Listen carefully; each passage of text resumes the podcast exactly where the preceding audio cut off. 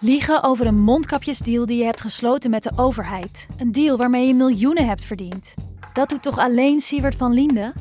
Nou, nee. Ik ben Felicia Alberding en in de Mondkapjesmiljonairs duik ik met een team van correspondenten in andere schandalen. Want wist je dat Siewert helemaal niet uniek is?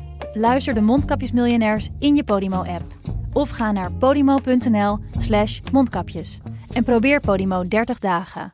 podimo.nl slash mondkapjes. Je rijdt dus door een oorlogsgebied op een, op een vellig, terwijl het keihard regent en overal pikdonker wordt. Nee, we durven niet te stoppen. En je- eh, ja, eh, Joep is nooit bang. Joep Vermans, de kamerman, die was nu ook echt bang. Via podimo.nl slash gonzo luister je de eerste 30 dagen gratis naar Podimo. podimo.nl slash gonzo. Nog niet zo lang geleden waren wij een lichtend voorbeeld voor de wereld. that shining city upon a hill. Voorzitter, als wij ons die toekomst verbeelden, als wij hoopvol en optimistisch handelen, dan ben ik ervan overtuigd dat onze beste dagen nog in het verschiet liggen. America's best days are yet to come. Dit is Betrouwbare Bronnen met Jaap Jansen.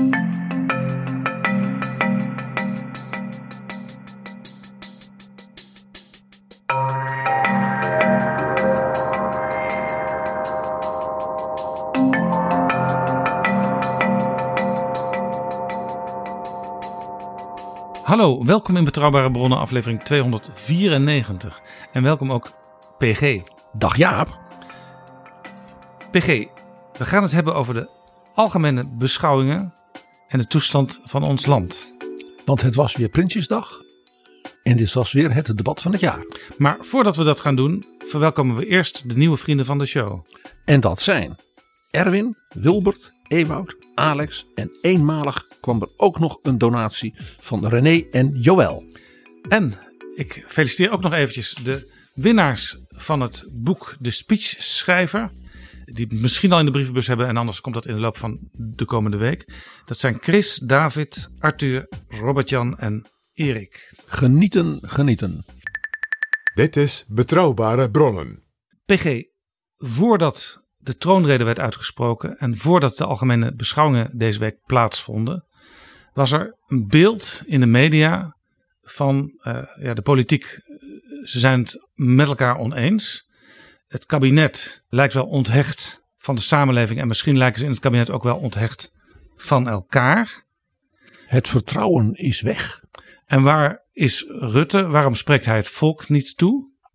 En dat gevoel van verlatenheid, want dat is het, werd zichtbaar bij de rit van de koning en de koningin en voor het eerst de kroonprinses in de glazen koets over het lange voorhout.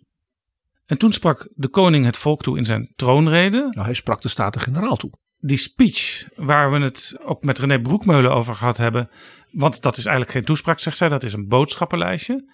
En toch hoorde ik aan het begin van de troonrede en ook aan het einde toch wel iets van een visie klinken. Misschien wel een beetje wat Rutte verweten is dat hij dat niet heeft gedaan de afgelopen tijd.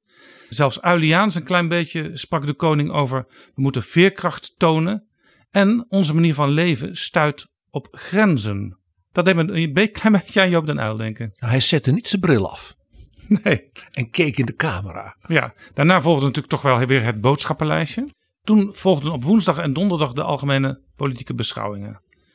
Daar zagen we in vak K het kabinet zitten. En dat waren in ieder geval op dat moment geen mensen die onthecht van elkaar waren. Er werd ontzettend veel, nou ik wil niet zeggen geginnegapt, maar er was een hele ontspannen manier van, nou ja, naar elkaar kijken. Je zag ook Rutte die af en toe naar achteren keek Ja. en zei van, hoe zit dat ook alweer Erik? En vooral Marnix. En je zag En- ook de premier en de vicepremier, Sigrid Kaag. eh, ja, die, die, die hadden het gewoon fijn samen. Dat zag je daar. Ja, en, en, en het meest kenmerkende moment was die envelop van de ambtenaren met zo'n venster. Met de dropjes. En daar bleken de dropjes in verstopt te zijn. En die, die ging, er werd in gegraaid. En het meest schokkende moment was natuurlijk het weglopen van het kabinet. En daaruit bleek ook de eenheid in het team. Ja, want anders dan veel mensen misschien denken, en dat begrijp ik, was het niet mevrouw Kaag die beledigd wegliep en toen de rest erachterna. Het waren achter haar twee staatssecretarissen. Erik van den Burg van de VVD en Mannix van Rij van het CDA. Die opstonden nog voor Baudet zijn beruchte opmerking over dat college in Oxford maakte. Ja. Toen zij opstonden, toen, stond, toen kwamen net die woorden, stond Kaag op en toen kreeg je een soort, nou ja, bijna fysieke solidarisering van het team. Waarbij ook eigenlijk de premier als laatste aansloot. Ja, want je zag dus echt, dat kon je in de zaal zien, maar je kon het ook op het scherm zien. Eén voor één merkten ze wat er aan de hand was. Want ze zitten natuurlijk voor een groot deel met de rug naar elkaar toe. En het begon op de achterste rij met, met Van den Burg en Van Rij. Het was dus heel opmerkelijk dat dus niet partijgenoten en niet ministers van mevrouw Kaag en, haar, en D66, dat die als het ware zeiden van ik ga hier niet meer naar zitten luisteren. Nee, het kabinet liep weg nadat Baudet in feite Kaag ervan beschuldigd had een spion te zijn. Een goed voorbeeld is St. Anthony's College in Oxford, waar Sigrid Kaag haar MPhil heeft gedaan. En wat weinig meer is in feite dan een opleidingsinstituut voor westerse geheime diensten. Dat wil dus... Blijkt overigens het college te zijn van John Loveland, die daar ook gestudeerd heeft. En dat is de directeur van het wetenschappelijk instituut, eh, als je dat zo mag noemen, van Forum voor Democratie. Die tegelijkertijd ook een belangrijke commentator is op de propagandazender van Poetin. En dan de Kamer, PG. En daar moeten we natuurlijk het vooral over gaan hebben, want het zijn de beschouwingen vooral vanuit de Kamer. Ja, dat goed om dat even toch te onderstrepen. De algemene politieke beschouwingen zijn de politieke beschouwingen van de fracties. Via de mond van de fractieleiders ten opzichte van het kabinet. En waar ze als het ware een recensie geven van de troonrede. Want de troonrede is niet van de koning, maar van de regering. En is dus de verantwoordelijkheid van de minister-president en zijn collega's Ja, in nou, het kabinet. van de troonrede, dan zeg je denk ik te veel, want ik hoorde het woord troonrede heb ik eigenlijk nauwelijks gehoord. Het gaat natuurlijk ook om alle stukken eh, die eh, een groot deel nog helemaal niet gelezen zijn door alle Kamerleden. Eh, want die zijn eh, de dag daarvoor pas, pas verschenen. Ja, enkele dagen eerder voor de Kamerleden onder embargo. Dus het gaat over, over heel veel tegelijk. Het gaat ook over, als het goed is, over de visie van de politieke stromingen op politiek en hoe je politiek moet bedrijven. En over de plaats van Nederland in de wereld. En over je principes. En ook over geld. De algemene beschouwingen gaan ook over heel veel geld. En wat viel jou nou op bij deze algemene beschouwingen, PG? Vier dingen. Jaap. Ten eerste, deze algemene beschouwingen waren de meest ideologische vanuit die fracties. Nou, ik zal maar zeggen, sinds het vertrek van Jan-Peter Balkenende, die ook vanuit zijn aard, hè, in zijn, zijn voorgeschiedenis, altijd een vrij ideologische minister-president was. De huidige minister-president beroemt zich er regelmatig op dat hij eigenlijk niet zoveel heeft met visie. Maar deze algemene beschouwingen waren dus opmerkelijk ideologisch. En dat kwam, minstens zo opmerkelijk, niet van de flanken. Het tweede punt, daardoor ontstond er, door dus die ideologische insteek van die partijen zeg maar, rond het constructieve midden, ontstond er hele aparte allianties. Jaap, ik tip het even aan, want we hoeven het niet al detail te bespreken. Er is een motie ingediend door Sophie Hermans, samen met de SP. Ja, Lilia Marijnissen. Er is een motie ingediend. Ja, je, begint, je hoort, ik begin te lachen. Er is een motie ingediend door Pieter Heerma van het CDA. Met fractieleider Azarkan van Denk. Er is een motie ingediend door Jan Paternotte van D66. Die meteen werd getekend door, let op, de Partij van de Arbeid en GroenLinks. Dus de twee fracties die in de onderhandelingen bij de totstandkoming van Rutte 4 buiten de boot werden gelaten. Door VVD en CDA. En ook opvallend. De heer Omtzigt had een hele serie moties die door niemand werden meegetekend. Dus je ziet als het ware dat er een apart soort allianties nu ontstaan. Bij de eerste, zeg maar, eh, missionaire algemene politieke beschouwingen van Rutte 4. Ja. Dus die merkwaardige, verrassende, vaak door de ideologische verwantschap, nota bene Sophie Hermans en Lilian Marijnissen, ja, ontstane allianties rond grote thema's. Het ging niet om kleine dingen, het ging om grote thema's, die, die moties. Daarin zag je een ander aspect van deze algemene beschouwingen. De volstrekte teloorgang, om geen ander woord te gebruiken, van de populistische fracties. En misschien wel de grootste verrassing, die kwam van de minister-president. Zijn bekentenissen over Europa. En die, ja, moeten we zeker behandelen. BG, we hadden het al even over Thierry Baudet. Het leek zo te gaan dat hij zijn toespraak deed zonder welke interruptie dan ook. Iedereen bleef in zijn bankjes zitten. Maar op een bepaald moment uh, werd het het kabinet te veel en ze liepen weg.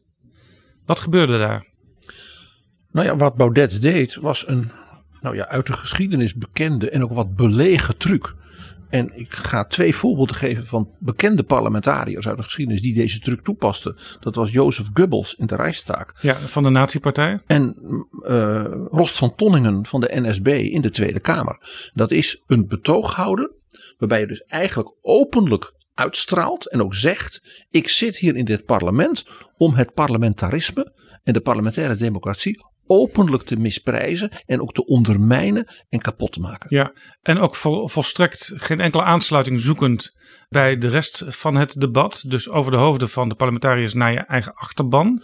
En daarbij verantwoordelijke bewindslieden verdacht maken. Ja, dit is, als verraders, ja. als nou ja, spionnen ja. in dit geval. Je zou dit kunnen zien als een overtreffende trap van wat Baudet al heeft gezegd in een bijeenkomst met zijn jongeren toen hij net in de Kamer zat.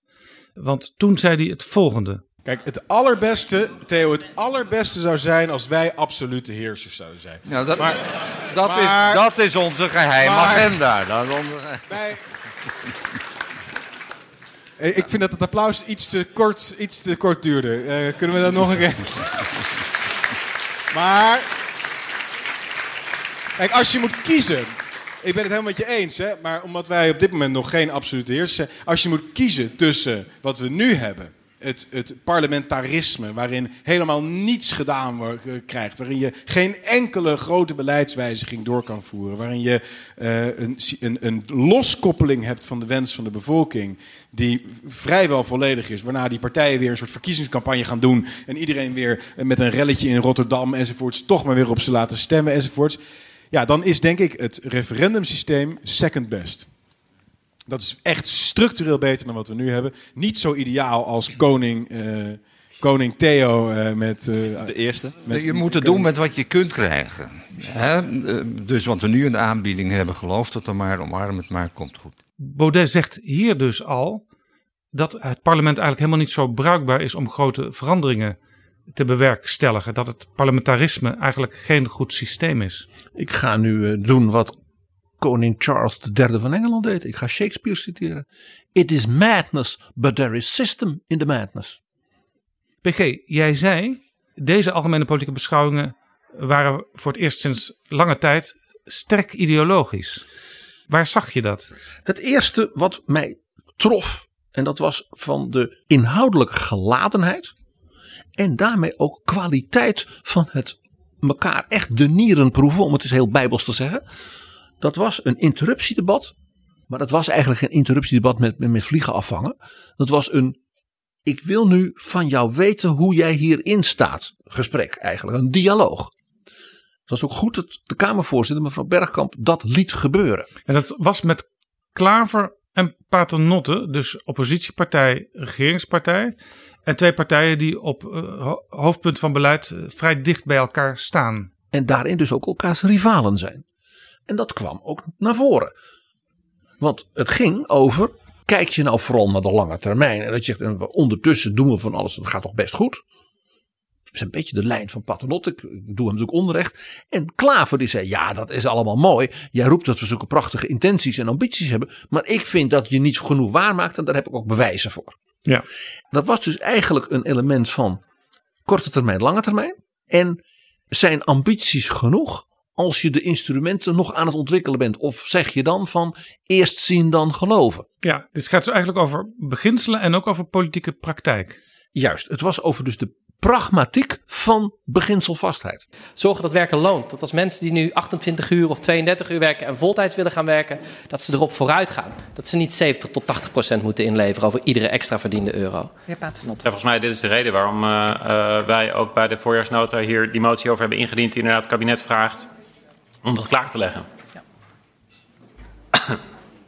Voorzitter, mijn punt is, um, ik weet dat D66 dit wil, maar het kabinet levert hier niet op. Ik spreek het kabinet aan. En ik vraag of u met mij richting het kabinet wil zeggen: doe je werk. Ga regeren. Het gaat er niet om wat voor, wat voor werkjes de, de, de D66-fractie produceert. Dat zit prima in elkaar. Het gaat me erover wat er om wordt gezet in beleid. En dan zie ik dat het kabinet achterblijft en dat die stelselherziening van de belasting die we allemaal willen, die structurele oplossing, dat die er niet komt. En ik spreek daar het kabinet op aan en ik zeg: doe met me mee. Paternotte. En ik weet, ook een beetje omdat ik de afgelopen zomer was, ongelooflijk hard er op dit moment wordt gewerkt door al die mensen op dat ministerie. En ik spreek het kabinet erop aan dat bijna gratis kinderopvang een ongelooflijk groot verschil kan gaan maken. En dat we een afspraak hebben om ervoor te zorgen dat dat er gaat komen. Met alle uitdagingen die er zijn, omdat er te weinig mensen nu voor zijn. Dat verwacht ik. En wij hebben inderdaad voorgesteld om ervoor te zorgen dat die herziening van het belastingstelsel, dat de stappen worden gezet om dat klaar te leggen zodat het daarna ook kan gaan gebeuren. En het interessante is dat dat dus uit dit, dit debatje tussen die twee, en het was meer dan een debatje, maar het, het was niet eens heel lang, maar het was heel fundamenteel. Dat is dus mooi en interessant dat je dus een debat op het punt van beginselen en fundamenten voert met als uitkomst dit willen wij met het land. Ja. Een tweede voorbeeld, dat was ja, misschien nog wel opmerkelijker. Dat was het betoog van Pieter Heerma van het CDA. Die zei van, we hebben nu een kabinetsbeleid, we hebben een coalitieakkoord, daar staat de handtekening van mijn fractie onder. Maar dat doen wij wel vanuit een hele eigen christendemocratische insteek.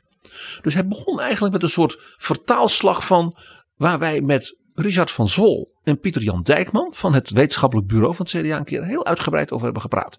De nota zij aan zij en de aanscherping daarvan door Van Zwol. En die legde hij als het ware op de actuele noden, inclusief uh, opkomen voor vrijheid, uh, democratie en Europa. En ook ja, de sociale nood uh, bij de energie-ellende. Ja. En dat, dat bracht hij als het ware bij elkaar in die christendemocratische visie. En daarbij, dat kun je van Heerma natuurlijk verwachten, ging het veel over volkshuisvesting.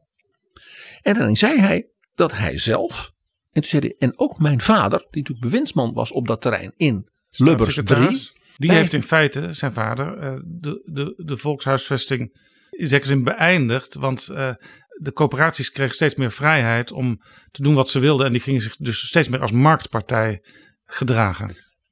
En Heerma zei, dat was toen heel goed. Maar we hebben misschien te lang de uitwassen daarvan, de vermarkting daarvan, onvoldoende ingesnoerd. En hij zegt, nou, dat zijn we dus nu aan het doen. Waarbij hij natuurlijk, en dat mag hij natuurlijk als CDA-fractieleider, ook natuurlijk een saluut maakte impliciet, zonder dat te zeggen, aan Hugo de Jonge. Ja, de minister die erover gaat. En het effect was dat hij interrupties kreeg.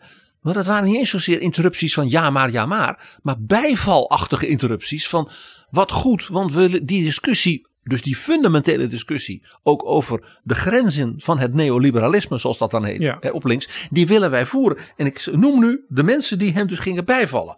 Lilian Marijnissen, mevrouw Ouwehand en het meest opmerkelijke vond ik, ook vanuit de kwaliteit van het debat, Sylvana Simons. Ja, jij, jij signaleert hier dus dat Paternotte en Heerma eh, heel duidelijk ook hun eigen ideologie hebben neergezet in het debat. Ja, niet alleen neergezet, ze hebben dus niet alleen een preek gehouden. Ze hebben gezegd vanuit mijn politieke overtuiging, filosofie, hè, CDA zeggen dan beginselen, kom ik tot deze keuzes. En die keuzes wil ik met de collega's, want we hebben hier geen dictatuur, delen en kijken hoe we eruit komen. En daarom was het zo leuk dat Sylvana Simons zei, ja, ik heb groot respect voor een politicus die dus zegt, ik ben dingen anders gaan zien en ik wil dus ook die grenzen aan die neoliberalisering, die wil ik leggen. En dat ze zegt, en waar hij zelf zegt, ook mijn vader, daar kijk ik misschien nu ook wat kritischer Ja. naar. Dat ze, daar heb ik respect voor. Zij doen hier iets wat eh, vaak niet gebeurt in de politiek. Namelijk partijen gaan met elkaar regeren, vormen een coalitie. En eh, verdrinken eigenlijk in die gezamenlijkheid. Al die compromissen, die eh, nemen ze als het ware tot de hunne. En waar staat die eigen partij dan nog voor? Dat verdwijnt een beetje in het duister. Je zou kunnen zeggen, ze hebben geleerd ooit van wat Bolkestein deed. Die eh, de- duidelijk VVD-verhaal neerzet in de Kamer. Maar zij doen ook iets wat Bolkestein naliet. Want Bolkestein, die eh, zei dingen die uiteindelijk vaak niet tot beleid leiden. En zij proberen hun ideologische uitgangspunten te verweven met het kabinetsbeleid. En eh, meerderheden ervoor te zoeken in de Kamer. Ja, het is een verweving van het coalitiebeleid. Van wij staan in die coalitie en wij zijn ook loyaal. Maar dat doen we wel vanuit een hele eigen oriëntatie. Filosofie, geloof, ideologie. Ja. Maar het tweede, en dat vond ik van dit debat dus zo bijzonder, is dat bijvoorbeeld Heerma, maar ook Klaver vervolgens zei, en daarin deel ik elementen van de fundamentele analyse van bijeen. En van de SP zelfs. En ja, mevrouw Ouwehand, van de dieren, altijd boos op het CDA als het gaat om landbouw. Maar op een aantal punten hebben wij dus heel belangrijke gedeelde waarden. En die moeten we vertalen in concreet beleid. En als dat betekent dat u dan stukjes van het kabinetsbeleid ondersteunt met ons. Wat is daar verkeerd aan? En dat is dus een hele interessante aspect. Namelijk dat dus een ideologisch gedreven debat leidt tot pragmatisch, bredere, steviger oplossingen. Terwijl men vaak andersom denkt. Heel interessant was dat Jan Paternotte zelfs zei: ja, wij staan nu in een situatie in Europa en de wereld dat de westerse waarden letterlijk onder vuur liggen. Ja. En niet alleen bij Poetin, maar het Ja. is meer. En zelfs vanuit ons eigen deel van ons eigen parlement. En we hebben ook mensen in ons land die dat eigenlijk wel mooi vinden. En toen zei hij: Ik hoor de minister-president er niet over. Dat vond ik vanuit een coalitiefractie een behoorlijk confronterende analyse bij een algemene beschouwingen. Die dus Jan Paternotte voor het eerst deed als fractieleider van D66. Vanuit dus waarden. Dus vanuit het beginselvaste van vrijheid, democratie, pluriformiteit, Europese samenwerking. Ja, interessant ook dat Paternotte en Heerma dit deden. Want hun partijleiders zitten in het kabinet. Maar zij nemen in feite toch hier de rol, de inhoudelijke rol van partijleider op zich. En zo hoort het ook in de Tweede Kamer. Het is wat betreft het CDA geheel conform het rapport Frissenjaap. Maar er waren nog twee fractieleiders die een zeer ideologisch geladen verhaal hielden. En die deden dat. Ja, dat was bij beide een volstrekte misgreep. En ik ga ze dus niet gelijkstellen en niet vergelijken. Meteen zeg ik dat de luisteraar niet boos wordt. Over wie heb je het? Over Lilian Marijnissen en Thierry Baudet. Dus de, de linkerkant en de extreme rechterkant. Mevrouw Marijnissen die hield een betoog en dat was een klassiek neo-marxistisch betoog. Het kapitalisme zit in vak K, hè? dat heet ook vak K van kapitalisme. En er is een soort trickle-down economisch beleid à la Reagan en Thatcher. En uh, dat is neoliberaal en de armen die worden dus armer en de rijken worden rijker. Ja, dat noemden we ooit Amerikaanse toestanden. Ja, inmiddels mogen we toch wel zeggen, zijn het Ruttiaanse toestanden geworden. Ik dacht toen ik het haar dat hoorde zeggen, heeft ze misschien de tekst van uh, Algemene Beschouwingen van jaren geleden per ongeluk van haar vader meegenomen. Uh, want uh, het, het kabinet heeft toch juist de laatste dagen zelfs nog op vele manieren enorme verschuivingen aangebracht. Om bijvoorbeeld de koopkracht van, van mensen te stutten door de energieprijs. Daar een, een, een plafond op te zetten. Nou ja, in de, in de stukken kwam het Centraal Planbureau met de mededeling. Ja, de, de maatregelen rondom het minimumloon, uitkeringen en dergelijke. Die per 1 januari dan ingaan. Waarvan zelfs in de Kamer werd gezegd. Het kabinet is niet onwelgewillig. Als we het kunnen vervroegen, gaan we het vervroegen. Leiden tot een enorme nivellering. En tot een drastische vermindering van de armoede in Nederland. Wat natuurlijk een zegen des heren is, zeg ik maar. Zeker voor de kinderen. Maar om dan te zeggen, het is een neoliberaal kapitalistisch trickle-down beleid. Ja, ja, sorry. Nee, de armoede loopt even, even op. Uh, Door de ellende. Tot 1,2 miljoen mensen uh, dit jaar. Maar volgend jaar wordt de armoede lager dan die een paar jaar geleden was. Ja. Dus eh, eigenlijk een beleid waar Joop ten Uyl zijn vingers bij zou aflikken. En, Maar die was niet van de SP. Nee, maar de SP, ik, ik, ik lees die boekjes wel eens die de SP, het Wetenschappelijk Instituut, uitgeeft. En daarin wordt juist de jaren 70 van Den Uyl, die worden eigenlijk met terugwerkende kracht door de SP omarmd. Van dat was nog eens een tijd. Terwijl Marijnus een senior in die tijd eh, liever Mao had dan ome Joop. Ja. Zo zie je maar, zo zie je maar Jaap. Maar dat betoog van mevrouw Marijnissen was dus klassiek. Ja? Zat dus in, zeg maar, in de marxistisch-leninistische school perfect in elkaar. Maar sloeg als kip op Dirk. Ik zeg het maar gewoon zoals het is. En ze is ook zo verstandig geweest om bij de interruptie, met name ook in de tweede termijn. Dus zelfs met, ik zal maar zeggen, toch de Jeanne d'Arc van het neoliberalisme, Sophie Hermans, een motie in te dienen. ja, ja. Dus zo consequent was ze nou ook weer niet. Nee, dus dat was pragmatisme eh, puur. De heer Baudet hield ook een ideologisch verhaal, dat kun je zeggen. Eh, Maar dat wel was- een heel, hele vreemde ideologie die een jaar of tien geleden nog niet bestond. Nee, want dat was vooral QAnon. Die complottheorie aanhangers. Ja, wat je bij Trump ook hoort en bij Steve Bannon. Met die proxyoorlog die de NAVO op het grondgebied van Oekraïne tegen Rusland voert. Omdat het Rusland van Poetin evident het tegenovergestelde van al deze dingen belichaamt. Het is een land met een sterk besef van nationale identiteit. Met een realistische benadering van de buitenlandse politiek. En een viriele mannelijke leider waartegen de verwijfde, niet zelden seksueel deviante politici van het Westen afsteken. Het was een heel erg Steve Bannon verhaal. En er staat één ding in, dat wil ik citeren. Niet omdat ik gelijk wil krijgen, maar jij weet nog Jaap. In ons allereerste seizoen, toen waren we net begonnen, deden wij de algemene politieke beschouwingen. En toen wees ik erop dat Baudet in een bijzin in zijn betoog een klassiek nazi-thema had gebruikt. Namelijk dat de Joden stiekem de wereld beheersen. Wordt dit land geregeerd door Jean-Claude Juncker, dit en dit, door Soros? Ja, hij noemt dan het, het begrip Joden niet. niet, maar het ligt er wel onder. Maar roepen dat Soros de wereld regeert was toen al zo'n ding. Nu was hij duidelijker nog. Wat zei hij? Hij had het over dat eh, dus de wereld wordt gedomineerd door cosmopolieten zonder wortels. Ook wordt vanwege die ideologie, waarin de leden van onze hopeloze elites geloven, gepoogd een nieuwe posthistorische mens te construeren. Zonder enige verbondenheid met zijn vaderland of zijn geschiedenis. Die is geïmpregneerd met een cosmopolitische ideologie zonder wortels. Ja, dat zijn woorden die we uit de jaren 20 en 30 kennen. Dit is ook uit de laatste twee jaar van de totale paranoïde gekte van Jozef Stalin voor zijn dood. En dit komt gewoon, ja, ik zeg maar ronduit, rechtstreeks van Jozef Goebbels. De boekverbrander Jozef Goebbels. Ja. Vandaar dus nog een keer, ik vergelijk Lilian Marijnissen op geen enkele manier met Baudet. Nee, ze maar alleen- ze hadden wel beide een ideologisch betoog dat als kip op Dirk sloeg.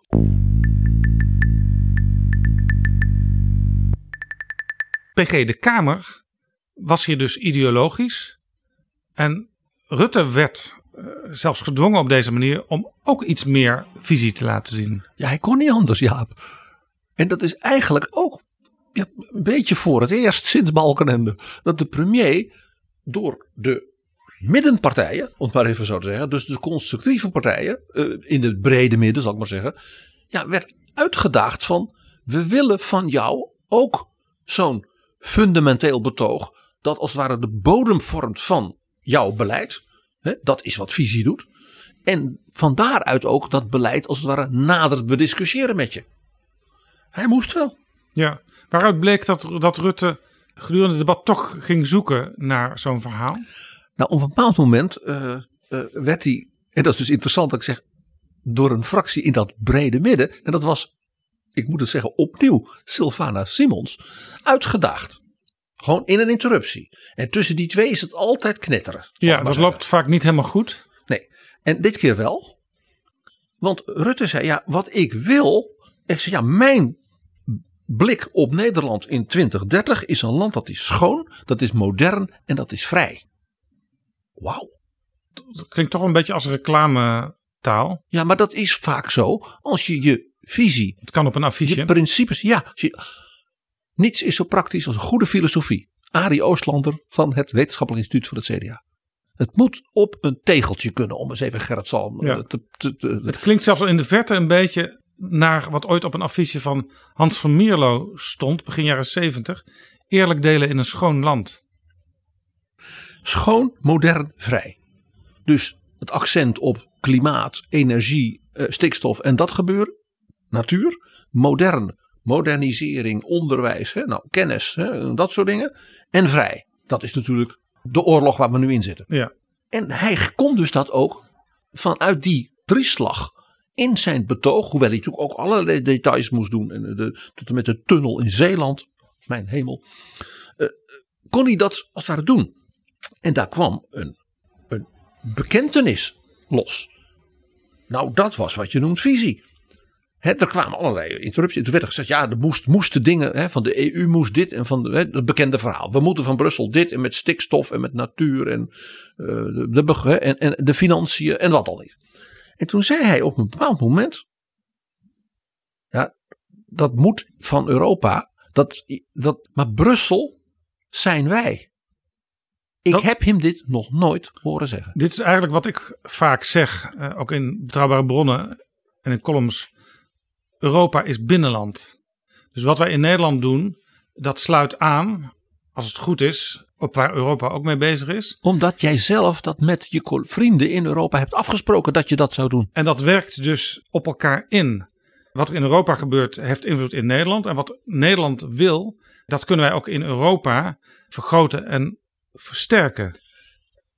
En op dat punt zat er dus nog zo'n ja, reflectie van Rutte op zijn eigen functioneren. Dus vanuit dat beginsel van Nederland is Europa en Europa is Nederland. En dat was een van de meest opmerkelijke dingen in het debat. En waar ik was verbaasd dat geen fractievoorzitter naar de interruptiemicrofoon rende.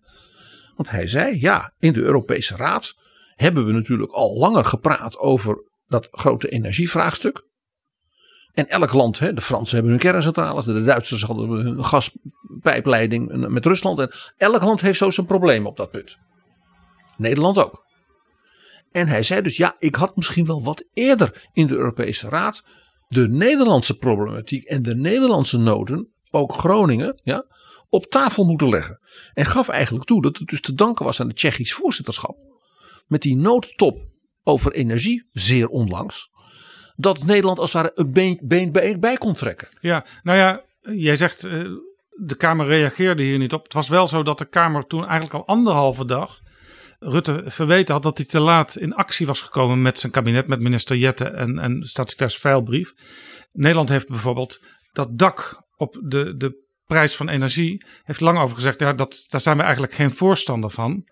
En uh, op een gegeven moment werd er zelfs uh, werd het eigenlijk omgedraaid. Ja, Europa zal dat eh, niet goedkeuren.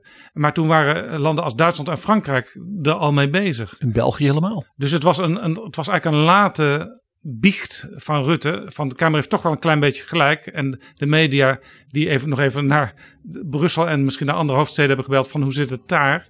Wij zijn daar gewoon te traag in geweest. En we hebben iets te lang vastgehouden aan ons eigen gelijk. Terwijl de situatie in andere landen al volstrekt aan het veranderen was. Daar zie je dus ook weer de beperkingen van de verering van de nationale soevereiniteit, Jaap. En Rutte gaf dus eigenlijk toe, ik heb in de Europese Raad, ik zeg het maar even heel hard, gefaald. Op een cruciaal punt. En geen fractieleider die zegt, goh, maar u zit daar toch al twaalf jaar? U heeft toch zoveel ervaring, u moet dat toch mijlenver al zien aankomen? En u heeft toch al die contacten met Macron en Scholz? Ik vond dat heel opmerkelijk. En de, degene die ik hier het, het meest op aanspreek is onze vriend Dassen van Volt. Die had dat moeten blootleggen. Die had daar moeten staan. Hier is nog iets. Ja, ik heb begrepen dat Rutte Angela Merkel mist. Hij heeft een keer een heel verhaal gedaan. Ik zeg maar in de meer ongedwongen sfeer. Over hoe hij had geregeld dat ze nou, de allerhoogste onderscheiding kreeg. Daarvoor is ze in Amsterdam geweest in een museum. En ze hebben op, een, op, op, een, op de grachten gevaren. En Mer ja, Merkel is was natuurlijk nu, voor de zomer. En Merkel is natuurlijk nu ja, uh, onbekommerd en vrij. Dus die heeft er gewoon een fijne kunstvakantie in de Amsterdamse musea van, van gemaakt. Nou, dat gun je haar na 16 jaar van harte. Ja, de enorme warmte en waarmee hij over Merkel nu nog steeds weer praat, hoor je niet over Scholz. En dat was interessant in dit debat. Rutte heeft wel vier, vijf keer benadrukt dat Nederland op dit punt, verschillende onderwerpen, met Frankrijk dit. We hebben lange tijd op dit punt met Frankrijk dat wij toch wat anders dachten, maar we hebben elkaar nu gevonden. Scholz en Duitsland werden bijna niet één keer genoemd. Heel opmerkelijk. En ik denk dus onderdeel van dat had in die Europese Raad niet helemaal meer, nou ja, was gegaan, was het feit dat dus het duo, ik zeg maar Mouti en Mark, er niet meer is. PG, een naam die nog niet genoemd is, is de naam Geert Wilders. Die spreekt als eerste in het debat, maar soms nog, zelfs nog voordat hij het spreekstoelte betreedt, staat hij al bij de interruptiemicrofoon om uh, de orde te veranderen van het debat. Ja, en bij voorkeur meteen een motie van wantrouwen of afkeuring in te dienen. Ja, en één keer is hij zelfs met zijn hele fractie ook weggelopen. Wilders die ging nu natuurlijk weer tekeer tegen alles wat er mis was met het kabinet en met het beleid. En Wilders is voor het eerst, nou sinds hij zeg maar de PVV-leider is, volstrekt de mist ingegaan. Dit was een moment in dat debat en meteen dus aan het begin van het debat, waar nog jaren over gepraat zal worden. Wat gebeurde daar? Wilders werd geïnterrumpeerd door Jan Paternotte van D66. En in die interruptie, serie, bleef Paternotte heel droog vragen stellen. Hij ging dus niet roepen, u bent een slechterik en u bent dit, u bent dat. Hij vroeg hem, begrijp ik nou? Ja, dus hij leidde als het ware Wilders van zijn betoog af.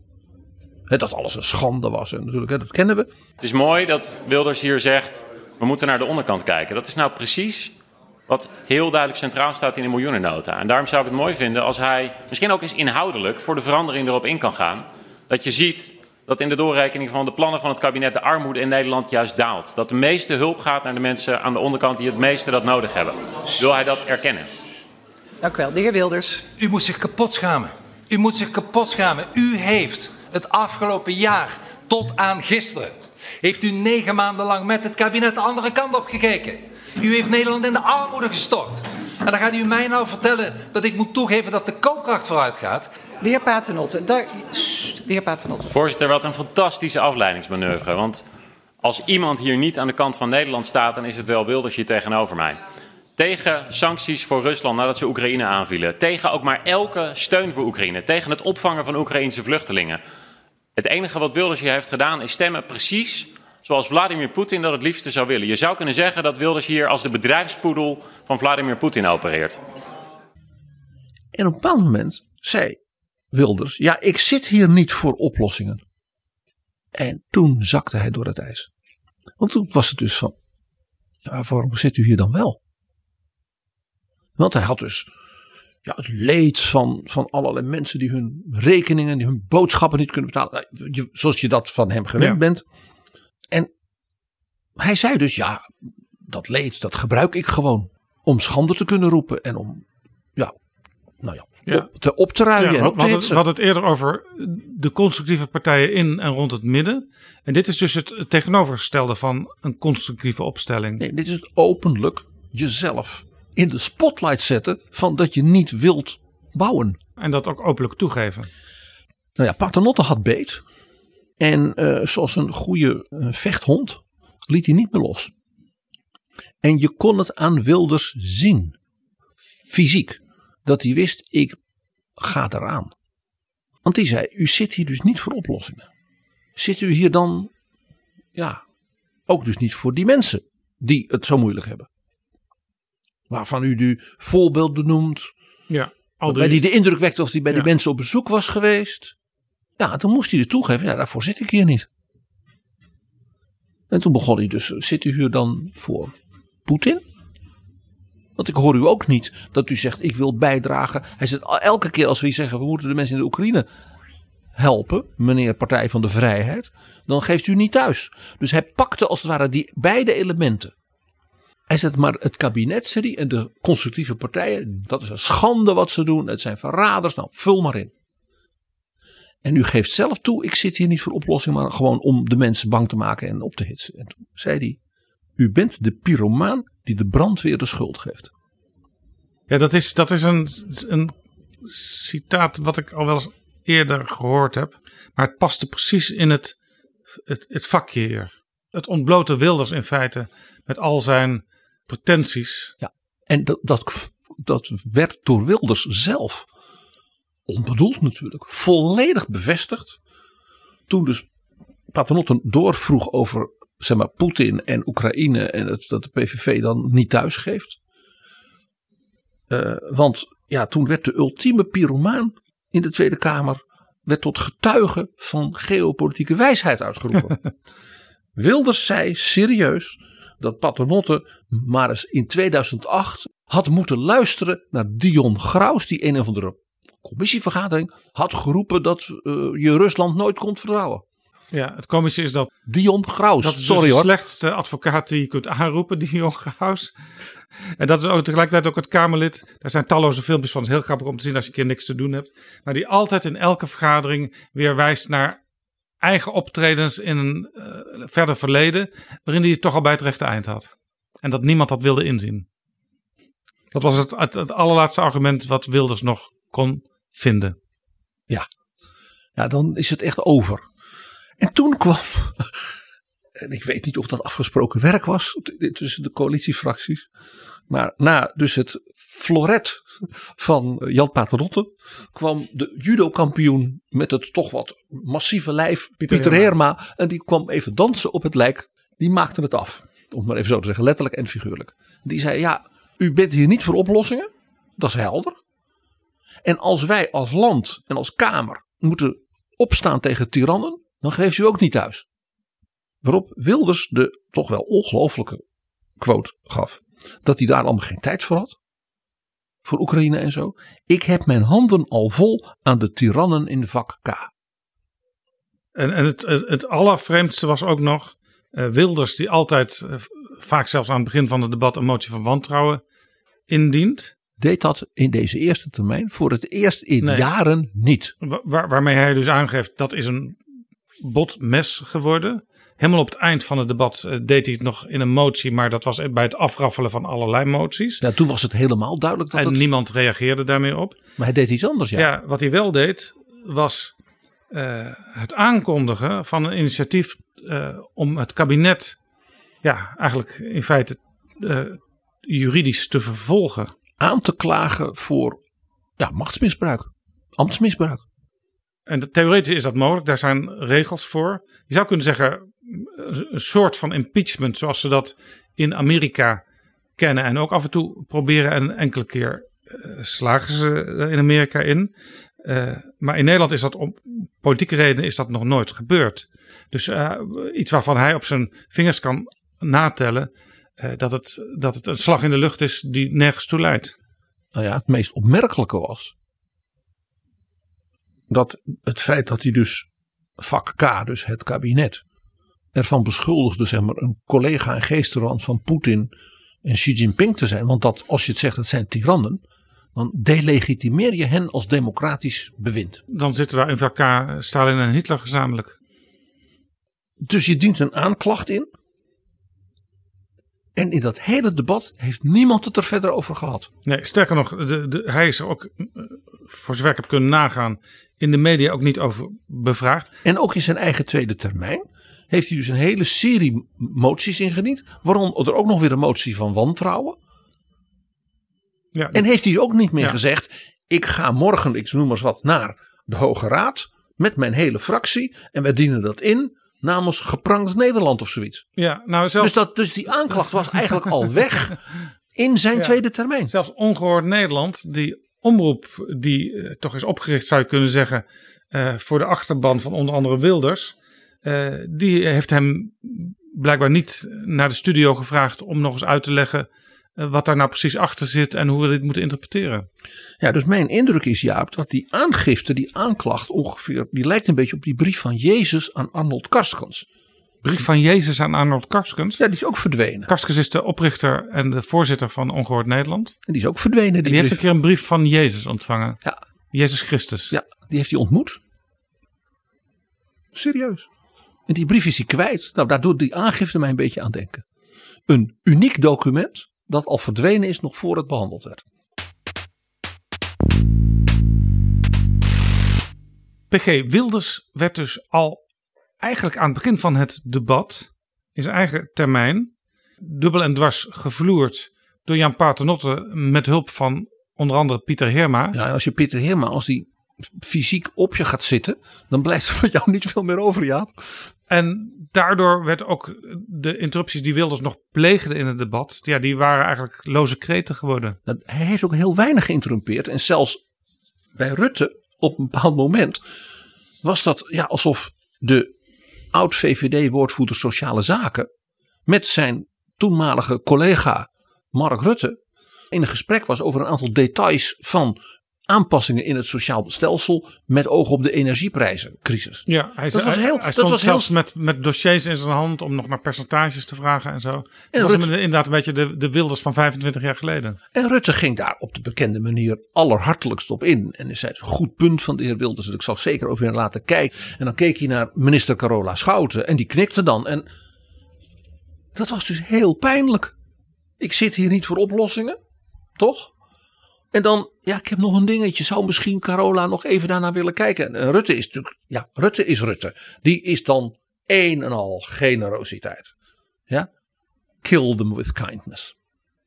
En hoe ging het met de andere populistische rechtse en ex- soms extreemrechtse partijen? Ja, die eh, zijn zich, dat was gewoon te zien, het apenzuur geschrokken.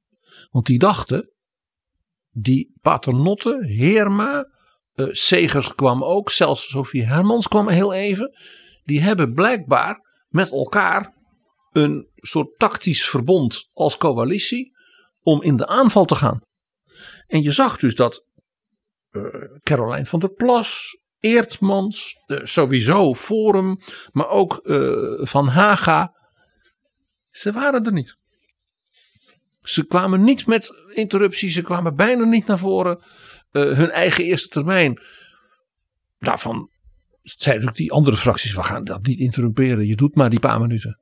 Ja. Maar ze waren dus weg. Interessant, want ik zag op Prinsjesdag en ook in de wandelgangen Joost Eertmans nog voor camera en microfoon vertellen. Ja, ze hebben ons nodig, want wij zijn groot in de Eerste Kamer. En eh, wij willen constructief meedenken met het kabinet. Maar ja, Eertmans kwam er eigenlijk ook niet echt aan te passen in het debat. Nee, daar kwam nog bij dat eh Caroline van der Plas eigenlijk net als Wilders eh, meteen aan het begin van het debat ook volledig gevloerd werd. Want zij interrumpeerde Sophie Hermans in haar eerste minuten. En laten we nu omheen draaien. Sophie Hermans is geen briljant debater. Nee. En Caroline van der Plas is natuurlijk de handigheid zelf. Dat is een PR-medewerkster. Dus die weet hoe je dat doet. Dus die dacht, die Sophie Hermans, die tackle ik meteen aan het begin. Dan is ze onzeker, dan heb ik er. Want zo gaat dat. Het is ook onderdeel van het spel. Ja, het valt me op. En uh, gisteren deed de uh, minister van Financiën dat ook. Dus om gelijk met Oekraïne te beginnen. En eerlijk gezegd um, vind ik dat best wel een beetje een schoffering naar onze burgers. Die gewoon echt in de ellende zitten. En ik vraag me af, waarom wordt er met Oekraïne begonnen en niet met beste burgers? Waarom wordt er niet gelijk over de rekeningen uh, gesproken? Waarom wordt Oekraïne erbij gehaald? En ik heb het idee dat het een soort van move is om een beetje de aandacht af te leiden. Dat was dus een soort eigen volk eerst interruptie. En Sophie Hermans was zo verbluft dat ze ineens een hele goede debater werd, zal ik maar zeggen. en ze kreeg bijval van anderen die allemaal zoiets hadden van wat krijgen we nou? En Caroline van der Plas had daar dus helemaal niet op gerekend. Die had dus helemaal geen tweede punt. Dus dit was een ja, opmerkelijk moment in zeg maar, onze parlementaire situatie van dit moment. Dat de aardspopulist Caroline van der Plas door de fractieleider van de grootste regeringspartij, waarvan je dan denkt, die zit dan toch, hè, die moet het kabinet steunen en is dus in de verdediging als ze wordt aangevallen, ja. werd gevloerd. Dat betekende natuurlijk dat dat een extra ja, aanleiding was voor die flankpartijen om te zeggen, wij houden ons voorlopig maar even koest. Dat had voor het kabinet en voor de minister-president natuurlijk een heel warm en positief gevolg. Want Rutte kon daarna in zijn eerste termijn, reactie op de Kamer, had hij dus weinig te maken met zinvolle gedachten of ja, voorstellen van die kant. Dus hij nodigde ze bijna uit. Kom maar, kom maar. En pakte ze in. Ja, hij zei zelfs op een gegeven moment nog tegen Eerdmans: Wij zijn bondgenoten. Ja. Maar iedereen moest daar een beetje om lachen. Want ja, de echte bondgenoten uh, op dit moment uh, zijn GroenLinks en de Partij van de Arbeid. die het kabinet hebben geholpen om de energieproblemen van een groot deel van de mensen op te lossen. Ook weer eens heel opmerkelijk. Je zag dus, waar we het eerder over hadden, door die ideologische ja, fundamentendebatten. Dat dus Partij van de Arbeid en GroenLinks konden aanhaken op kwaliteit en inhoud van voorstellen. bij nou ja, ook dus de lijn van uh, Paternotte, van uh, zeker ook van Segers en ook van Heerma. En Rutte heeft dus zelfs op een bepaald moment, ging zo ver, om mevrouw Hermans in feite uit te nodigen met een motie te komen. Namens dus een hele brede groep fracties, het brede midden. Want dat hij daar niet onwelwillend tegenover stond als dus die fracties het kabinet zouden zeggen, doe nog even dat tandje meer. Oftewel, meneer Eerdmans is mijn bondgenoot, want ik heb hem niet nodig. Dat is natuurlijk, ja, dat is natuurlijk politiek finesse. Maar, maar vernederend voor de rechtse ja. flankenpartijen. Er is nog een Kamerlid dat een beetje een aparte positie inneemt in het spectrum. Dat is Pieter Omtzigt. Waar was hij in dit debat? Hij was er niet. Hij was er wel. Maar hij was er niet. In de eerste dag interrumpeerde hij al ook, ook vroeg mevrouw Hermans en begon over de, dat er bij de vorige algemene beschouwingen 92 amendementen waren ingediend vanuit de oppositiefracties en vijf daarvan waren door de regeringsfracties gesteund. Waarop mevrouw Hermans zei dat was de vorige algemene beschouwing met een demissionair kabinet. Ja. En ja, dat de coalitiefracties een aantal van de gedachten van de oppositie steunen en een aantal niet. Ja, dat is onderdeel van het parlementaire debat. Wat wilt u hier eigenlijk mee zeggen? Ja, en dat werd dus onhelder. En in de tweede de dag uh, had uh, Omtzigt een aantal voorbeelden die laten zien van type gezinnen en huishoudens die het heel moeilijk zouden ja, hebben. Hij had honderden mails daarover gekregen. Ja, dan had hij van vijf ja, had vellen gemaakt. Ik moest in eerste instantie denken aan Pechtold die ooit met zijn stapel rapporten naar de interruptiemicrofoon kwam en die rapporten één voor één op de grond gooide. Uh, maar vanuit, dat was dit niet. Vanuit het idee, uh, alles is al een keer bedacht. Ga eens, Voer het nou eens ga uit. Eens regeren. Kabinet. Ja. Maar dit viel een beetje dood, hè, dit initiatief van Omtzigt. Ja, ja, letterlijk ook, omdat uh, die vellen die vielen ook op de grond. ja, hij, hij zat niet goed in zijn vel, laat ik het maar zo zeggen. En dat bleek ook aan het eind bij die opmerkelijke coalities. Opmerkelijk was ook dat Omtzigt niemand mee had gekregen die een motie van hem wilde tekenen. En dat duidt toch op een heel, ja, toch eigenlijk ook wel jammerlijk politiek isolement.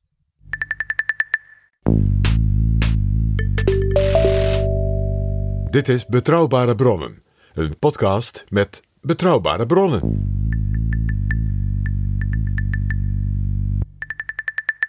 PG, afgelopen jaren uh, hadden we in Betrouwbare Bronnen steeds Roderick van Grieken te gast. Van het de, Debatinstituut. Ja, de grote debatdeskundige van Nederland. Die wees altijd winnaars en verliezers in het debat aan. Dat deed hij heel beargumenteerd met heel veel details. Uh, wij zijn geen Roderick van Grieken. Maar toch kunnen we misschien wel een soort van winnaar aanwijzen. Ja, en ook met details en onderbouwing. En is wat mij betreft even los van de minister-president, die het debat binnenging met niemand vertrouwt hem meer en meer van dat soort dingen.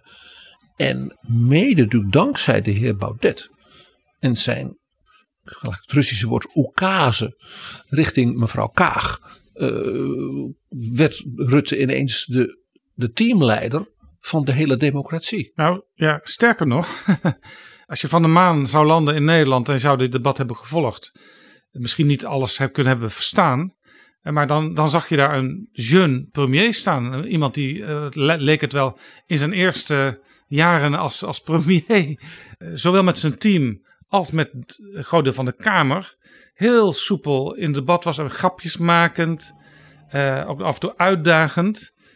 dit was weer een heel andere Rutte dan we, laten we zeggen, de laatste anderhalf jaar hebben gezien. Er was een moment dat hij, dat ging over migratie, dat was een heel moeilijk thema. En uh, dat Nederland uh, nogal uh, alert was in Europa met wat er gaande was. En zei hij ja, en dan de minister, ja, en dan de staatssecretaris die zich buiten ons land minister mag noemen. En toen draaide hij zich dus om naar staatssecretaris Erik van den Burg. Die op dat moment een glaasje water aan het drinken was. En ja, die begon dus te proesten. En toen zei hij, dat mag hij omdat wij dat goed vinden. En toen, toen begon dus dat, hele kabinet begon te lachen. En dat was dus een collegiale grap. Ja. En dan, toen, toen merkte je dus, hij staat daar letterlijk ook ontspannen. En er was zelfs een, een, een bijna Lubriaans inpakmoment van Rutte. eh jegens Esther Ouwehand van de Partij voor de Dieren. Die zelfs een apart blok beantwoording kreeg. Waarvoor nog even geschorst werd. Zodat Rutte zich nog iets beter kon eh, voorbereiden op dat blok. Eh, nou ja, eh, zelfs eh, partijen waar Rutte meestal niet zoveel mee heeft. maar die toch, ja, waar toch leek de enige aansluiting te kunnen zijn. Ja, die werden helemaal meegenomen in zijn verhaal. Jaap, jouw vergelijking, van mijn herinneringen aan Ruud Lubbers, die, ja, die spelen hier ook. Dit was hoe Ruud Lubbers bijvoorbeeld bij de discussies over de kernbewapening. Dan Met Ria Bekkers. En André van S. Ja. van de PSP. Dat hij die gewoon helemaal en uitdaagde en zei: Ik begrijp heel goed hoe u hierin zit. En dat hij dan, ja, dat deed hij dan zo, ja, kwalitatief, maar ook charmant en met alle respect. Dat ze bijna, ik zou moeten zeggen, ik wou dat ik met de premier mee mocht naar die Ja. NATO-vergadering. Was, was Rutte de winnaar van het debat? Dus in dat opzicht was het voor de minister-president dus een onverwacht comfortabel debat. Als het gaat om, laat ik zeggen, de effectiviteit, de kwaliteit ook van het parlementaire spel. En daar is de premier natuurlijk- is niet iemand van het parlementaire spel. Die is daar voor de regering. Was dat zonder enige twijfel Jan Paternotte van D66. Ja, we hebben hem natuurlijk al. Je hebt hem natuurlijk al gememoreerd in zijn eh, duel met Wilders. Nou, hij verwoestte hem met zijn allereerste interruptie en bleef daarbij op inhoud. Dus geen spelletje verbaal. Ik zei met het floret. Scherp en ernstig, serieus. En daarom zeg ik, dit was beter dan Pechtold. Want bij Pechtold was het toch altijd ook een beetje een verbaal spel met Wilders, waarbij ze elkaar ook als het ware groot maakten. Ja, ja kijk, Pechtold meende het wel wat hij deed. Maar Pechtold liet soms iets te veel blijken dat hij ervan genoot. Ja, en dat hij het eigenlijk wel leuk vond dat hij in Wilders zo iemand had om mee te spelen. En eh Paternotte is eigenlijk toch een droogkloot in het debat. Hij kan alles eh, op een hele rustige toon zeggen. En eh, je ziet ook niet zoveel emotie als hij spreekt. Nee, maar dat is juist sterk bij Wilders, die natuurlijk zich voortdurend overschreeuwt. Dat is schande, hè? je kent dat wel. En dan Dion Graus is dan je bewijsstuk. Ja, dan kun je maar beter een beetje droog blijven. Ja, en dan luisteren Maar- ze ook, als het goed is, naar wat je zegt. Hij heeft de droogte van Angela Merkel. En jij weet, uit mijn mond is dat wel een compliment. In een kabinet met de VVD en CDA en ChristenUnie kon hij natuurlijk verwachten dat hij van de linkerkant enorm zou worden aangevallen. En dat probeerden ze ook. Hij heeft ze allemaal, en met name Dassen, Azarkan en Sylvana Simons, ingepakt. Ik heb er geen ander woord voor. Door te zeggen, u heeft helemaal gelijk. Kijk nou wat we toch doen. En als u in het initiatieven komt, dan zijn wij daar natuurlijk meteen sympathiek tegenover. Ja, het was een rubberen muur.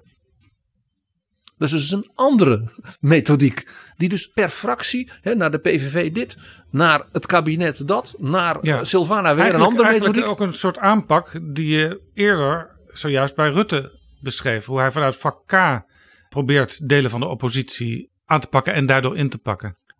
En ik maak een andere vergelijking. Dit was wat Ruud Lubbers deed in de tijd dat hij zelf fractieleider was. Dat deed hij dat ook zo. Alle begrip. Ja, nee, doe, doe mee. En dan, ja, door, door voortdurend te roepen, doe mee. Ja, ja, goed idee. Dan leek het alsof hij zo'n eh, magneet aanzette. Maar ja, zo'n vaak linkse of rechtse oppositiepartij ging dan onmiddellijk terugschrikken. Want dat was niet, voor je het weet word je door die slimme Lubbers ingepakt. Ja. Nou, dat Ja. was je al op dat Ja. moment. Ja, je zit dus elementen van Lubbers en Jan Paternotte terug. in, in deze manier van opereren als fractievoorzitter. In zo'n debat. En er was een moment, dat vond ik echt gewaagd. Dassen van Volt interrumpeerde Paternotte op het punt van Oekraïne. U had het over die westerse waarden die u moet verdedigen, maar we zijn, zien hier ook fracties. Hij bedoelde mevrouw Van der Plas van BBB. En natuurlijk Wilders en anderen. Ja. Die zeggen, die Oekraïners nou, ze kunnen maar wat. eh, het gaat mij eigen gas en eigen volk eerst. En toen zei Paternotte. Ja, dat mevrouw Van der Plas dus denkt dat zij bij een interruptie op de VVD daarmee weg kan komen. Is ook een beetje de schuld van Rutte. Wow. Hij zei als de minister-president, en hij bedoelt natuurlijk ook de, de leider van de liberalen, zich niet uit, hè, ook van niet te veel visie, over waar we nu staan, de verdediging van Europa, de verdediging van onze waarden. Ja, dan, dan, dan krijg je dat soort pogingen. Nou, voor een fractieleider van een coalitie is dat een behoorlijk scherpe confrontatie naar de minister-president. Ja, waar, waar, Rutte overigens wel het antwoord op had. Ik eh, begin elke persconferentie die ik op vrijdag hou met Oekraïne. Maar tegelijkertijd bleef staan het feit, hij heeft geen uh, toespraak tot de natie gegeven over. Uh, dit is opnieuw een crisis, net als in de coronatijd, waar, waar we samen ons te weer moeten stellen tegen een aantal grote problemen. En in allereerste instantie tegen die vijand in het Kremlin.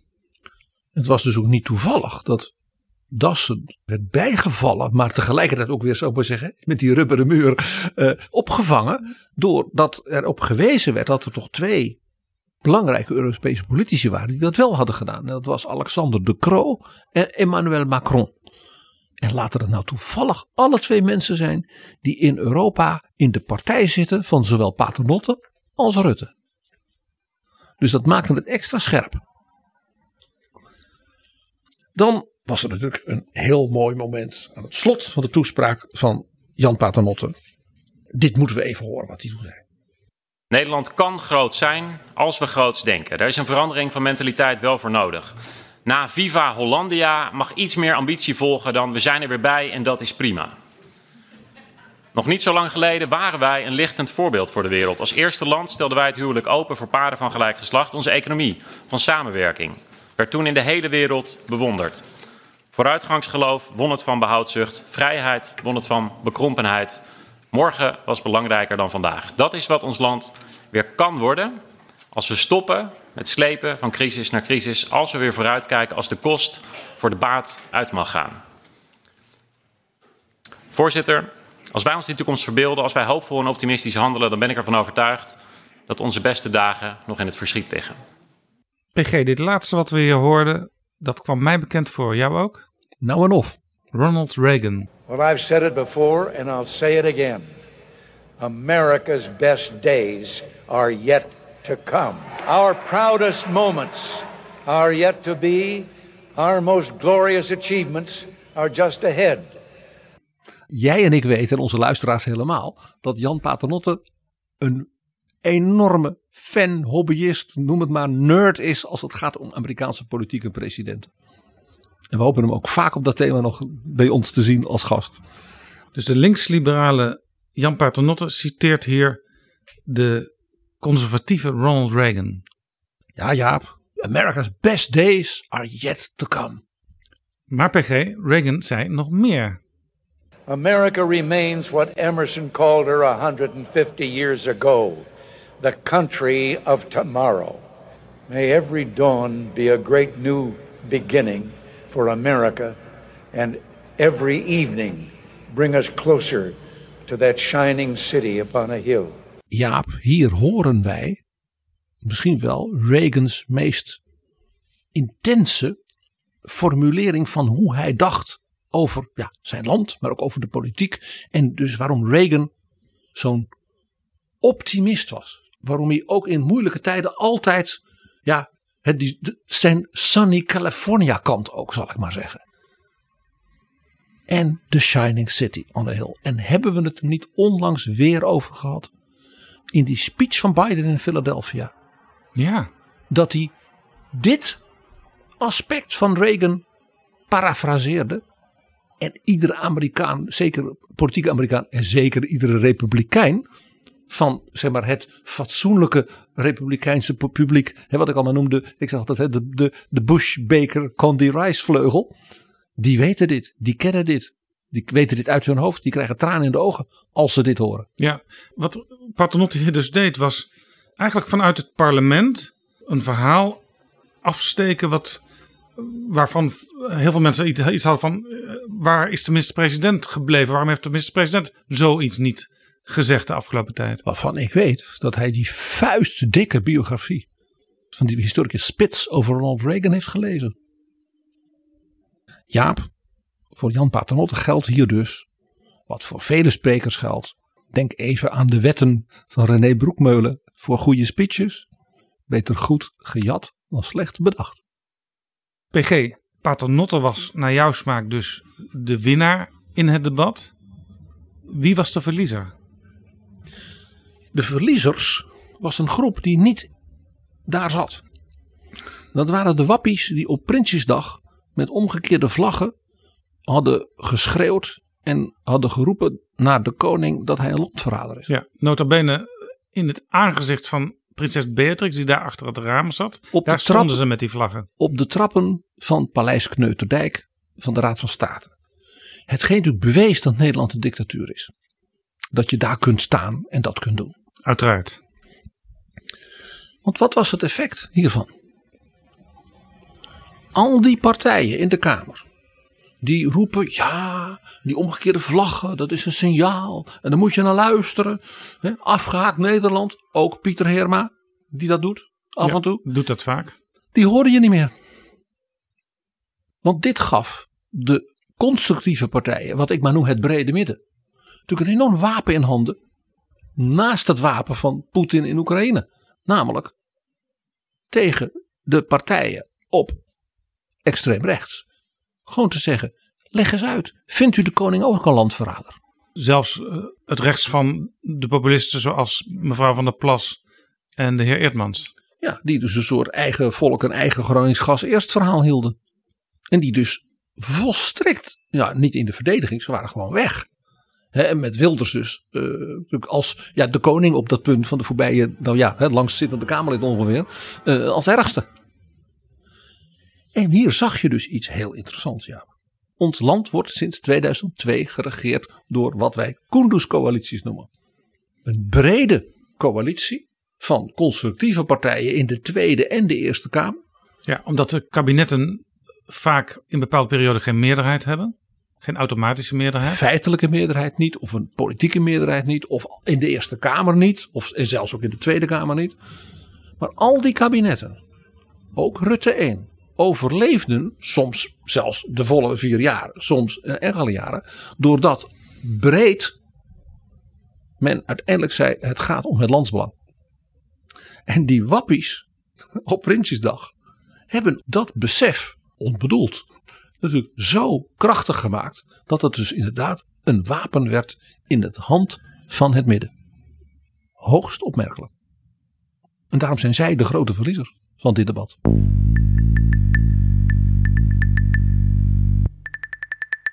PG, niet zo lang voor de troonrede en de algemene beschouwingen eh, had Ursula von der Leyen in het Europees Parlement in Straatsburg de staat van de Unie. Dat was op 14 september. Een beetje een soort Europese troonrede is dat wel. Ja, het is toch interessant om even te kijken of er overeenkomsten zijn tussen wat de afgelopen dagen in Den Haag besproken is en wat toen in het Europees Parlement besproken is. Vooral ook omdat mij opviel dat in dit debat, ondanks, ik zal maar zeggen, die bekentenis van Rutte, inclusief zijn zeg maar, zelfkritiek over zijn optreden in de Europese Raad, het er toch vanuit de fracties niet vaak over ging. Opvallend genoeg ook niet bij Volt. Nee. Want wat mevrouw von der Leyen daar deed, dat was nogal wat. Zij heeft in feite het verhaal van de Europese Unie van de voorbije 70 jaar geherdefinieerd. Want jij weet, dat was nooit meer oorlog. Maar het is oorlog. Dus het is nu nooit meer naïef. En het was altijd ook hè, de lidstaten en oké, de Hollanders willen nog wat extra voor hun boeren. En dan krijgen de Fransen nog wat voor de wijnbouw. En de Duitsers nog wat voor de industrie. En de Ja. Estland krijgt nog en Finland nog wat extra ICT. Iedereen krijgt wat en niemand krijgt wat hij allemaal wil. En nu is het, iedereen gaat eraan als er eentje niet mee zou doen. One for all, all for one. En het was altijd Europa is er voor de lidstaten en we doen een aantal dingen. Hè, Erasmus en zo, dat doen we dan. Hè. Maar Europa moet wel zijn beperkingen kennen. De Chopin-biografie. Rutte die niet wilde vergaderen uh, over van alles, maar gewoon een boekje van Chopin ging zitten lezen op een belangrijke bijeenkomst in Brussel. Ja, symbool daarvan. Ze moeten niet een te grote broek aantrekken daar in Brussel. Hè? Dat soort taal. En nu? Mevrouw von der Leyen zegt, in een crisis als deze, geopolitiek, militair, energie, bestaanszekerheid. Europa gaat doen wat noodzakelijk is en wat de lidstaten ook van ons en u, burgers van ons, verwacht. Het is dus het Draghi-Europa, whatever it takes. En wat doet de Tweede Kamer? Ja, die verzet het debat over de staat van de Unie met minister Hoekstra, want men kan geen zaaltje vinden en geen tijdstip daarvoor. En als ik je één voorbeeld noem waarom ze dat toch wel zouden moeten doen. Mevrouw von der Leyen die agendeerde zelf in het Duits, dus in het, gedeelte van haar moedertaal. Dat ja, want zij spreekt in drie talen die speech uit. Dus uh, blokjes in talen. En in het Duitse gedeelte zei zij: het grote thema, los van energie, maar voor de lange termijn, is dat wij in Europa niet genoeg mensen meer hebben, ook door de vergrijzing, voor belangrijk werk. Er zijn tekorten op alles. En ze zei dat is een lange termijn. Dat moeten we dus ook lange termijn aanpakken. Dat kunnen we ook niet in ons eentje. Geen enkel land kan dat in zijn eentje meer. Dus ik roep het jaar 2023 uit tot het leven lang leren jaar zouden wij zeggen. En wij moeten investeren in onderwijs, in vorming, in bijscholing, etc. Nou, ik dacht Dennis Wiersma, Robert Dijkgraaf, maar ook uh, Karin van Gennep en mevrouw Adriaansens aan de slag. Want hier kan Nederland natuurlijk een voortrekkersrol spelen. Ja, maar dit element is niet vaak benoemd in het debat. Hoogst opmerkelijk. En terwijl mevrouw von der Leyen zegt, naast al die grote zorgen en crisis, dit is het grote lange termijn thema. Nou, ze, ze had nog een paar dingen, de rule of law natuurlijk. En bijvoorbeeld ook heel mooi, de Europese Commissie zegt we hebben 100 miljoen vrijgespeeld tussen alle dingen. Want wij gaan nu al beginnen met het herbouwen van de scholen in Oekraïne. Uh, vanuit, ik zal maar zeggen, de absolute politieke top in Brussel werd mij gezegd: ja, dit was de soevereine Ursula. Want zij springt een beetje in het vacuüm dat we nu zien in de Europese Raad. Want Charles Michel en Olaf Scholz zijn zwak. Charles Michel is de voorzitter, de aangewezen voorzitter van al die vergaderingen. De oud-premier van België. Olaf Scholz is geen Merkel. bijvoorbeeld. Ze zijn ook onzichtbaar, werd gezegd. En dat is fijn, plat gezegd, voor Ursula von der Leyen. Ja, en, en, en Draghi is natuurlijk afscheid aan het nemen in Italië. Want die was natuurlijk een tijdje toch wel de senior. Ja, dus voornamelijk Macron staat daar nog. En Macron, zei, zeiden ze in Brussel, die laat Ursula begaan.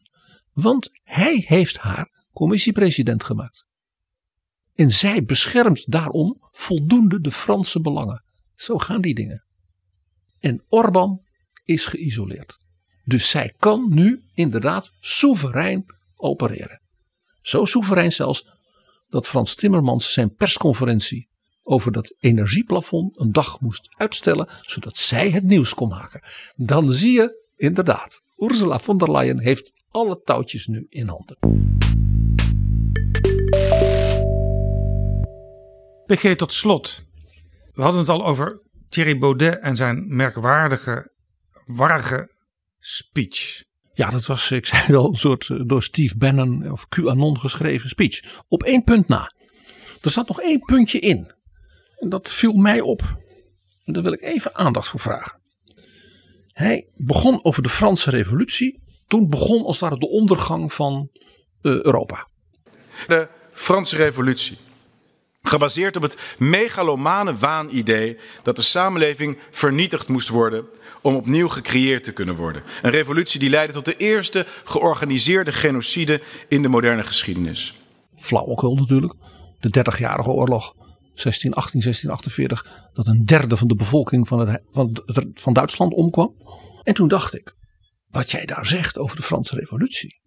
Jouw grote held, filosofisch voorbeeld, Alexis de Tocqueville, heeft daar een prachtig boek over geschreven. Alexis de Tocqueville, die ook op zijn werkkamer hangt. En uh, hij sprak zelfs zijn slotzinnen uit zijn speech uit. Op TikTok was het, geloof ik. Gezeten voor dat schilderij van Tocqueville. Dat is dus zijn grote ideologische meester, zou je kunnen zeggen. Ja. En wij hebben in Betrouwbare Bronnen diens in het Nederlands vertaalde boek behandeld. Wat veel minder bekend is. L'Ancien Régime et la Révolution. Het Ancien Régime en de Revolutie. Waarin Tocqueville wat later in zijn leven, mede dus door zijn doordenking van zijn belevenissen in de Verenigde Staten, hè, met zijn boek De la démocratie aux États-Unis, zegt van wat is daar nou gebeurd in mijn Frankrijk? Dat het zo fout ging, zo gruwelijk. En dat die Amerikanen, ook een republiek, ook een democratie, en die bloeit. Hij heeft dus een analyse gemaakt over zeg maar, de liberaal-democratische revolutie. Als experiment. En hoe die kan mislukken en hoe die kan slagen. Ja.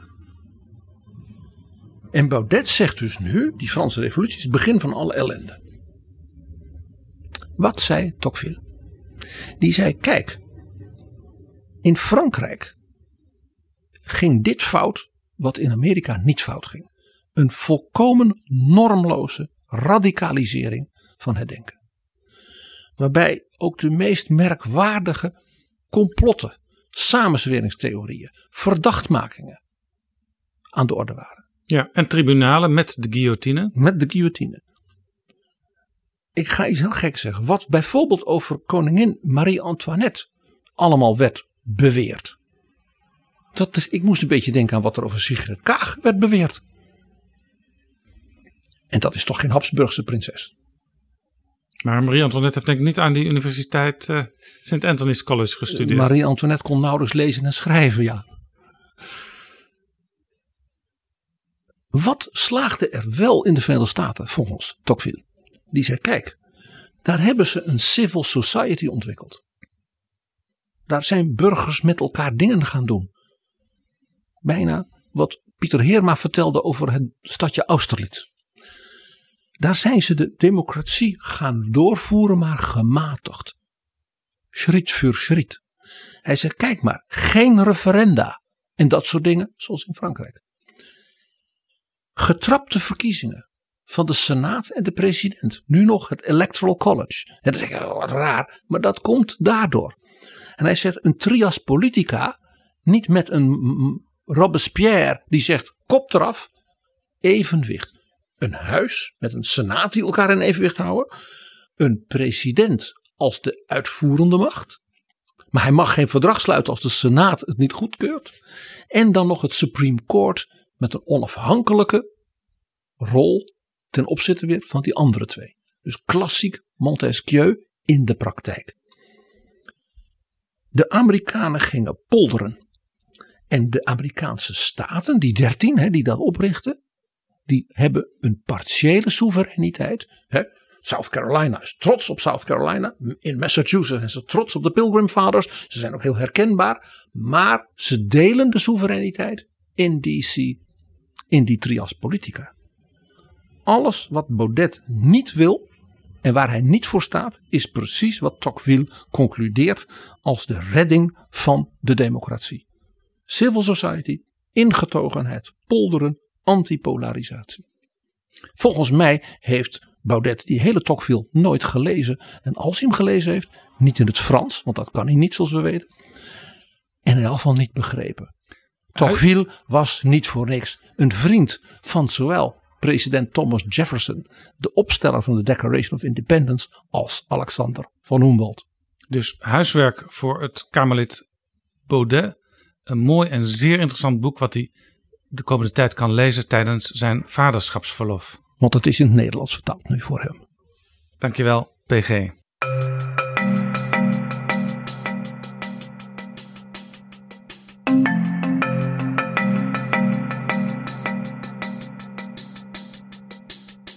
Zo, dit was Betrouwbare Bronnen, aflevering 294. Deze aflevering is mede mogelijk gemaakt door de vrienden van de show. Dat zijn luisteraars die met een donatie steunen, klein of groot, eenmalig of vaker. Je kunt het allemaal invullen via vriendvandeshow.nl/slash bb. Maar doe het alsjeblieft. Misschien heb je er al vaker over gedacht. Ik moet ze toch eens steunen. Eh, Wij zijn er blij mee. En wij kunnen dan nog veel meer mooie afleveringen van Betrouwbare Bronnen maken. En af en toe kun je meedingen naar een klein cadeautje. U bent allemaal heel welkom. Tot volgende keer. Betrouwbare bronnen wordt gemaakt door Jaap Jansen in samenwerking met dag en nacht.nl.